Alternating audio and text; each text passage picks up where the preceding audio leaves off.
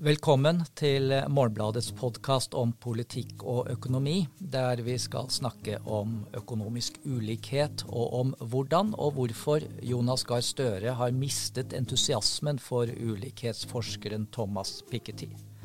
Da Piketty kom med boka 'Kapitalen' eh, for ti år siden og la grunnlaget for en helt ny global ulikhetsdebatt, så var Støre fremst blant dem som omfavnet han her i landet. Jeg heter Aslak Bonde, og med meg i studio er Maria Berg Reinertsen. Og siden dette er den første sendingen vår, så bruker vi ett minutt på å presentere oss. Aslak har en lang karriere bak seg som politisk journalist og analytiker. Jeg er journalist i Morgenbladet, og, og, så er jeg samfunnsøkonom. Og det vil si at jeg er veldig glad i tall. Aslak, vet du hvor stor prosent av Morgenbladets levetid du har skrevet spalten din politisk analyse? Eh, Morgenbladet er eh, Norges eldste avis. Mm. Og jeg er gammel, men ikke så gammel, så det er antageligvis bare 5, 5 eh, av Morgenbladets levetid. 10 Sier du det? Ja. Mm. Wow. Nettopp. Eh, ja, og det er eh, viktig at jeg skriver da Jeg har skrevet politiske analyser i avisen, og eh, det er viktig for meg at det ikke kalles kommentarer. Eh, målet mitt har vært å mene ganske lite om hva som er bra og hva som er dårlig, men å prøve å få fram hvordan politikk og samfunnsutvikling kan ses på veldig mange ulike måter, avhengig av eh, hvor man står. Og det tenker jeg kan være en bra ambisjon for denne podkasten her også. Så skal vi bare gå i gang. Det gjør vi, og vi skal altså snakke om økonomisk ulikhet og politikernes forhold til skatter og avgifter. Og da tar vi litt utgangspunkt i en analyse som jeg har skrevet i papiravisen denne uken, men aller mest i forrige ukes toppoppslag. Fordi der innviet du oss, Maria, i dine mange forsøk på å få statsminister Jonas Gahr Støre til å klargjøre sitt forhold til ulikhetsforskeren mm. Thomas Piketty. Ja. Øh, og jeg skal bare innrømme at det der intervjuet det var en skikkelig skuffelse for meg. Uh, jeg hadde jo håpet her at uh, Altså, Støre han uh, har jo beundret Thomas Piketty. Han har lest bøkene hans. Han har møtt ham i Paris. Og jeg tenkte at tiårsjubileet for Pikettys aller mest kjente bok, 'Kapitalen i det 21. århundre', det var en sånn god anledning til å få statsministeren til å reflektere litt fritt rundt ulikhet, muligheten til å drive omfordelingspolitikk i Norge i dag, og hvordan det er å være en rik mann på toppen av Arbeiderpartiet. Men så måtte jeg jo i løpet av intervjuet innse at skattepolitikk og omfordeling det er litt for politisk betent til at statsministeren kan sitte og tenke høyt og fritt om det i Morgenbladet. Så da ble det et vanlig intervju der Støre var veldig tydelig på at Pikettis uh, uh, politiske analyse, den som sier at ulikhetene er i ferd med å øke igjen. Og at det er et problem. Ikke bare at folk er fattige, men også et problem at noen blir stadig rikere. Den deler han. Men eh, løsningene hans de hører ikke hjemme i den virkelige verden. Det er en artig liten passasje i den, eh, det intervjuet med Jonas Gahr Støre, fordi du henviser til det vi alle har sagt, at da Piketty kom med sin bok 'Kapitalen', så ble Jonas så begeistra at han dro til Paris for å snakke med Piketty. Men nå leser vi i intervjuet han gir nå da, om at det var slett ikke tilfellet. Han var i Paris, og han kunne jo ta T-banen ut siden han likevel var der. Ja, det var tydeligvis viktig for ham å, å få frem, da i ærlighetens eller, eller, distansens navn. Og nå kan du si at det at eh, Støre har et visst behov for å distansere seg fra Piketis løsninger, det er jo ikke så rart. Her snakker vi om en fransk akademiker, ekstremt kjent, ekstremt anerkjent, men han foreslår tross alt ikke sant, eh, arveavgifter opp mot 90% på de høyeste formuene, formuesskatt på 90% for den som tjener mer enn 10 000 ganger gjennomsnittsinntekten. Og det får jo meg til å forundres mm. litt over din skuffelse, fordi du skrev selv, du var og hørte på Piketty i mm. Bergen på, i vår en gang, mm. og du skrev jo selv da en artikkel om egentlig hvor urealistisk hans forslag er. Og da skulle det jo bare mangle at ikke Jonas også synes at det er urealistisk. Ja, og jeg var kanskje ikke så skuffa over at Jonas ikke ville smelle 90% formuesskatt på Vitsa, Men det jeg var litt skuffet over, eh, og som jeg kanskje hadde håpet vi kunne komme enda lenger sant, inn i, det er det her at det Piketty faktisk sier, da Se litt bort fra akkurat de konkrete forslagene hans hans analyse. det at den voksende ulikheten, det er ekstremt gjenstridige trender. Det, det, krever veldig mye politikk for å endre det. Én ting er det at vi i løpet av uh, forrige århundre, da, takket være to verdenskriger og liksom et veldig kraftig sosialdemokratisk politikk, klarte å få ned inntektsulikheten eh, mye. Men samtidig så er jo uh, vet du at faktisk halvparten av, av oss i Norge, vi har bare 4% av totalformuen. Det er lite, ikke sant. Det er, det er nesten ingenting. Det er, når det gjelder formue, så har det skjedd veldig lite. Uh, når det skjer, uh, og, og, i den forbindelse så hadde jeg kanskje ønsket eller, noen flere refleksjoner fra statsministeren om, om sosialdemokratisk politikk, sånn som det er i dag, om den, om den holder. da. Hvis du har den ambisjonen at du ønsker å øh, å gjøre, gjøre, At du bruker sånne ord som ulikhetskrise. ikke sant? Da skulle du tro at du ønsket å gjøre masse med ulikheten. Og du formidler jo mm. både på og mellom linjene en, en litt sånn skuffelse over mm. at ulikhet Krisen snakker de om, men mm. de er i grunnen mest opptatt av å løse den på bånn, sånn som høyresiden også er opptatt av. Mm. Og forsøkene på å gjøre noe med toppen av ulikheten, altså de som tjener mest, de er ganske spinkle. Men uh, da, da er vi over på skatte- og avgiftspolitikk. Uh, ja, det er, det er jo din jobb, da. Å, å, fortelle meg som politisk analytiker ikke sant? Hvorfor, uh, hvorfor det er så vanskelig å, å legge på disse skattene. For vi sosialøkonomer vi har ikke så veldig stort problem med å øke en skatt her og der. Nei, og jeg undres ikke over at politikerne holder igjen når det gjelder å øke skatter og avgifter. Vi, det er helt åpenbart at Rødt og SV, som bare skal tiltrekke seg uh, maks 20% av velgerne, de tør å gå inn for å øke skattene og avgiftene ganske betraktelig hvis det rammer de med høyest inntekter og høyest formue. Men vi vet helt fra altså de siste tiårene, egentlig helt fra Gro Harlem Brundtlands tid i Arbeiderpartiet, så har det vært et mantra at man egentlig ikke kan bli sett på som et skatteøkningsparti. Fordi velgerne er opptatt av egen lommebok, og spesielt i de siste 20 årene, når vi har fått oljeinntektene, eller pensjonsinntektene som vi nå får, eh, pensjonsfondinntektene, så, så, så innser på en måte strategen i Arbeiderpartiet da, at det er bare å, å, be om å tape valg hvis man går inn for høye skatte- og avgiftsøkninger. Men jeg følger jo på en måte denne uh om å ikke øke det generelle skattenivået. At det er en, er en, dårlig politisk sak. Og det husker vi jo Jens Stoltenberg, som skrev på en sånn gul, eller var vel uh, finansministeren hans, som skrev på en sånn gul lapp ikke sant, at 'jeg lover ikke å øke skattene'. Eh, det jeg syns er litt interessant, er den der eh, solidariteten med, med, de formuene og de, og de høytlønte. at Jonas Gahr Støre nå f.eks. ikke engang ønsker å, å innføre arveavgift. Som jo er en av de tingene som, som Thomas Piketty virkelig tar til, tar til orde for. Da. Da tenker jeg det er ja, greit at du ikke skal ha 90 arveavgift, men uh, ta, ta, Støres egen formue, da. Uh, på litt over 80 millioner kroner. med Pikettys forslag så ville den hatt en arveavgift på, på 20 da. På, på, det som overstiger, 80, ja, overstiger 60 millioner. Ville det være helt urimelig i dag. Nei da, og da er vi over på ting mm. som jeg også forundres over. Mm. Fordi eh, vi fikk en innstilling fra skatteutvalget mm. eh, rett før jul. De foreslo at vi skulle innføre arveavgift, eh, men at vi da skulle Eh, redusere formuesskatten. At arveavgift er en bedre skatt enn formuesskatten. Eh, og de delte seg på noen måter med hvor store eh, tallene skulle være på de ulike skatteformene. Men prinsippet om at man skal skatte på arv, det er veldig mange eksperter enige om at er ganske bra, og det er i hvert fall den beste måten å, skal, å skattlegge formue på. Så det som er veldig interessant, det er at uh, Trygve Slagsvold Vedum for noen måneder siden, altså på vårparten, gikk ut og sa kategorisk at dette forslaget fra skatteutvalget, det har han ikke lyst til å se på. Han la det rett og slett i skuffen.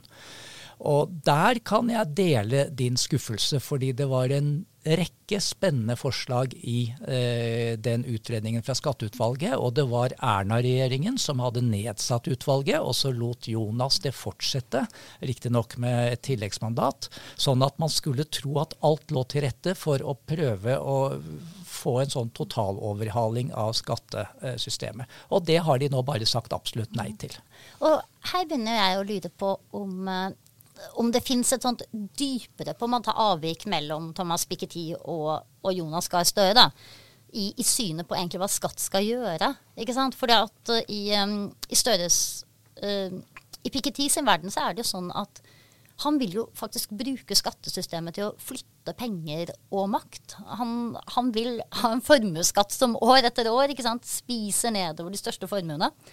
Han vil, han, han vil at når når, når, man skal arve, når det er generasjonsskifter, så skal ganske mye penger og makt liksom flyttes fra de største formuene, de største arvingene, til en sånn minimumsarv som skal deles ut til alle. Så han, han, han vil bruke skattesystemet til å, å, skape endringer. Og så lurer jeg på om uh, Det er noe da med den stabiliteten sant, som du snakket om, som uh, Arbeiderpartipolitikere har lovet folk i hvert fall de siste 20 årene, da, i, i skattesystemet, som, som stemmer veldig dårlig med det der. Uh, I Norge så snakker vi veldig mye om at skatter ikke skal være vridende. ikke sant? Det betyr at det ikke egentlig skal ende noe. ja, uh, er, Du som er økonom, ja. er ikke det skattevridende? Det er vel egentlig bare at det ikke skal stimulere folk til å putte penga ett sted, ja, i motsetning ja, til et annet. Men, men også altså, det at du, skal, sant, at du skal egentlig ikke få skatt altså Noen steder så sier man jo at skatter skal endre atferd. Mm. Du skal Eh, du skal ha miljøavgifter som, som gjør at den kjører, min, uh, kjører mindre bil, f.eks., eller bruker færre plastposer og sånt. Men når det gjelder den økonomiske politikken, så er du jo veldig veldig opptatt av at skattene ikke skal få ikke skal hindre næringslivet i å investere, ikke sant? ikke skal gjøre det mindre attraktivt å eie aksjer. for guds skyld ikke skal få oss til å jobbe mindre. Mm. Og, og, at det er litt vanskelig inn i det systemet her, da, å si det at, at du skal ha formuesskatt eller arveavgifter for den del som er sånn at det, at det faktisk liksom skal, skal ende noe. ikke sant? For, for en Arbeiderpartipolitiker så er det dårlig nytt hvis folk må selge aksjer i bedriften sin for å få lov til å betale formuesskatt eller arveavgift. For Piketty så er det faktisk akkurat poenget ja. med de avgiftene. Og, og, det er klart at det er noe med Arbeiderpartiet mm. som har Det er Arbeiderpartiet vi snakker om. For det er på en måte de som snakker om ulikhet, men som likevel er redd for å gjøre noe, særlig på toppen. Og, og, og det er det er interessant å se De kunne jo vært kyniske og sagt at hele poenget her er jo at de rike skal få litt mindre rikdom. Men mm. de, Og det tør de ikke, fordi det er altfor kynisk. Men de kunne jo i det minste spurt alle de som uh, med rette nå sier at de er nødt til å ta ut store utbytter fra private pengebinger for å betale formuesskatt. og så kunne jo Arbeiderpartiet i det minste spørre disse folkene ja, er formuen din mindre i år enn den var i fjor. Mm.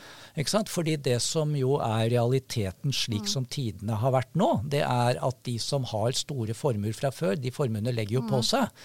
Og så sier egentlig, altså hvis man har økt formuesskatt, de må ta utbytte, så dreier det seg ikke om mer enn at man på en måte får en mindre økning av den formuen man hadde mm. fra før, inntil videre da med de satsene det er snakk om foreløpig.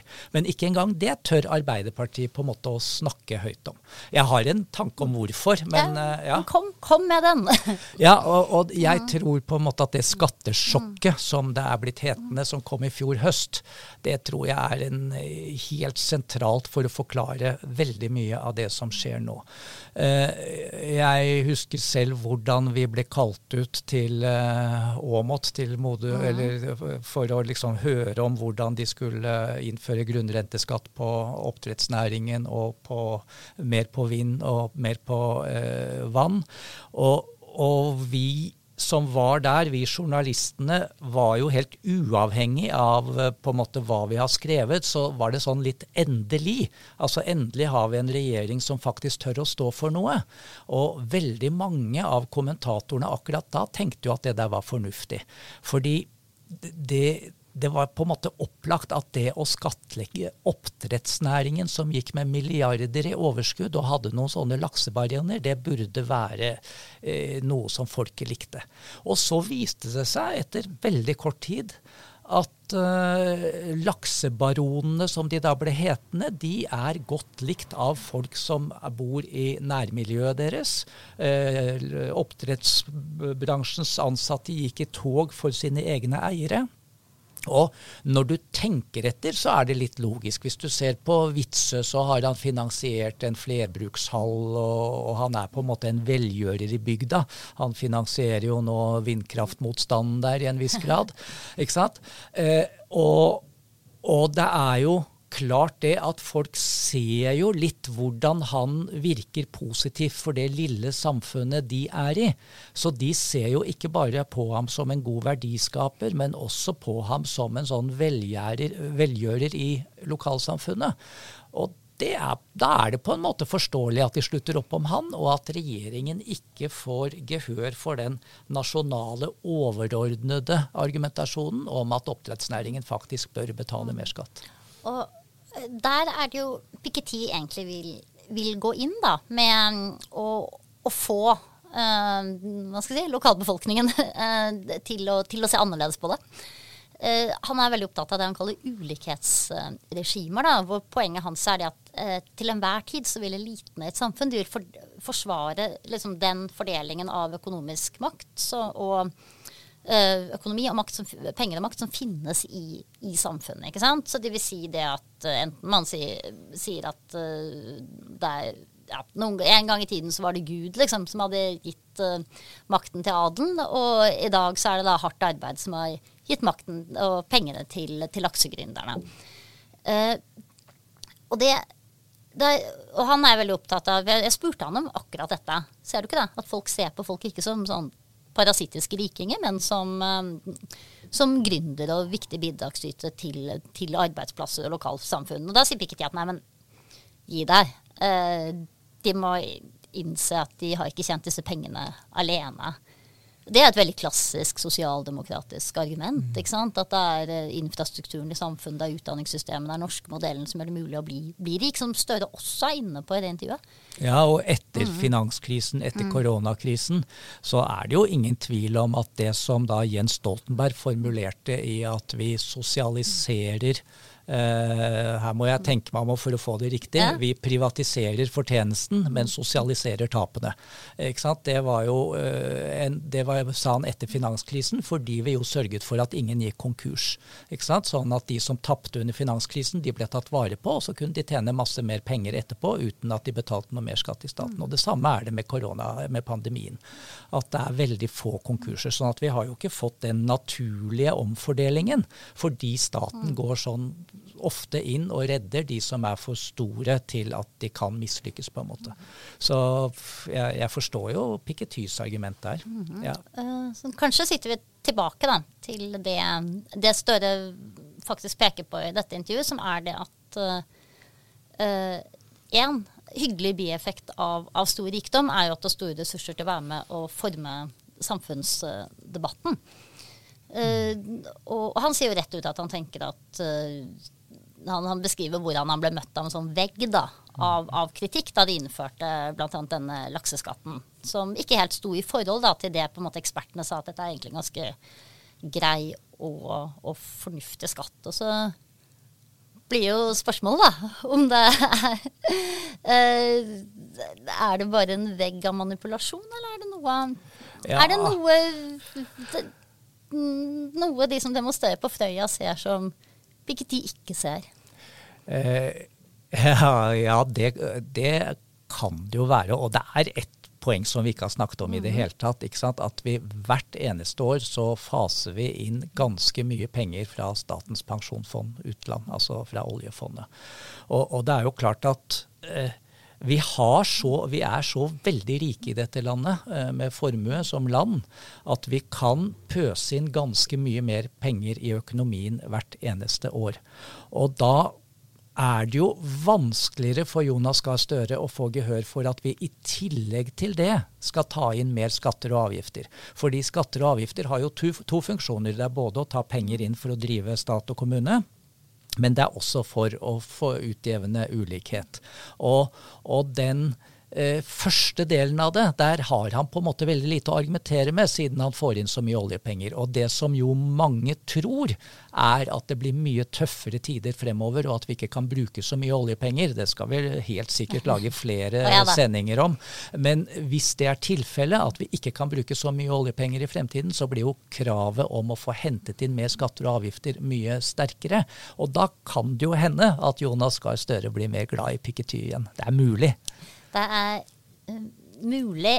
Enn så lenge så ser det jo faktisk ut som det er uh, uh, laksesiden da, som, som, har vunnet denne debatten. ikke sant? Når vi hører Det har jo blitt lakseskatt, men når vi hører Trygve Slagsvold Vedum på radio i går f.eks., så var han jo veldig ivrig etter å understreke at det her selskapet Movi, som nå går til rettssak mot, mot lakseskatten, at de har vært flinke de har tjent så mye penger, sa Vedum gang på gang på gang. De har vært flinke, tjent penger, så derfor så må du også betale litt eh, ekstra skatt. Eh, og, og, da kjenner jeg at det er noen sånne silkehansker som jeg også gjerne vil bli tatt på med da, av, av eh, kemneren. Når jeg får restskatt og sånt, så vil jeg gjerne at det skal komme en liten melding. 'Maria, du har vært så flink i år. Du har tjent mer enn du trodde.' Og du fikk ikke den meldingen? Nei, jeg gjorde ikke det. Jeg fikk bare en uh, sånn faktura ja. i posten på ting jeg måtte betale tilbake. Ingen som sa jeg hadde vært flink. Da eh, håper vi at eh, denne sendinga finner veien også til skatteetaten, sånn at de kan sende ut nye brev når de sender ut restskattvarselet. Mm. Og så har vi ikke mer tid eh, i denne omgang, uh, men vi er tilbake om en uke, neste fredag. Og i mellomtiden kan jo folk lese mye godt lesestoff på morgenbladet.no. I tillegg til oss to som har snakket her, så er det Emma Johnsen Rørli som produserer, og Sun Heidi Sebø som er ansvarlig redaktør.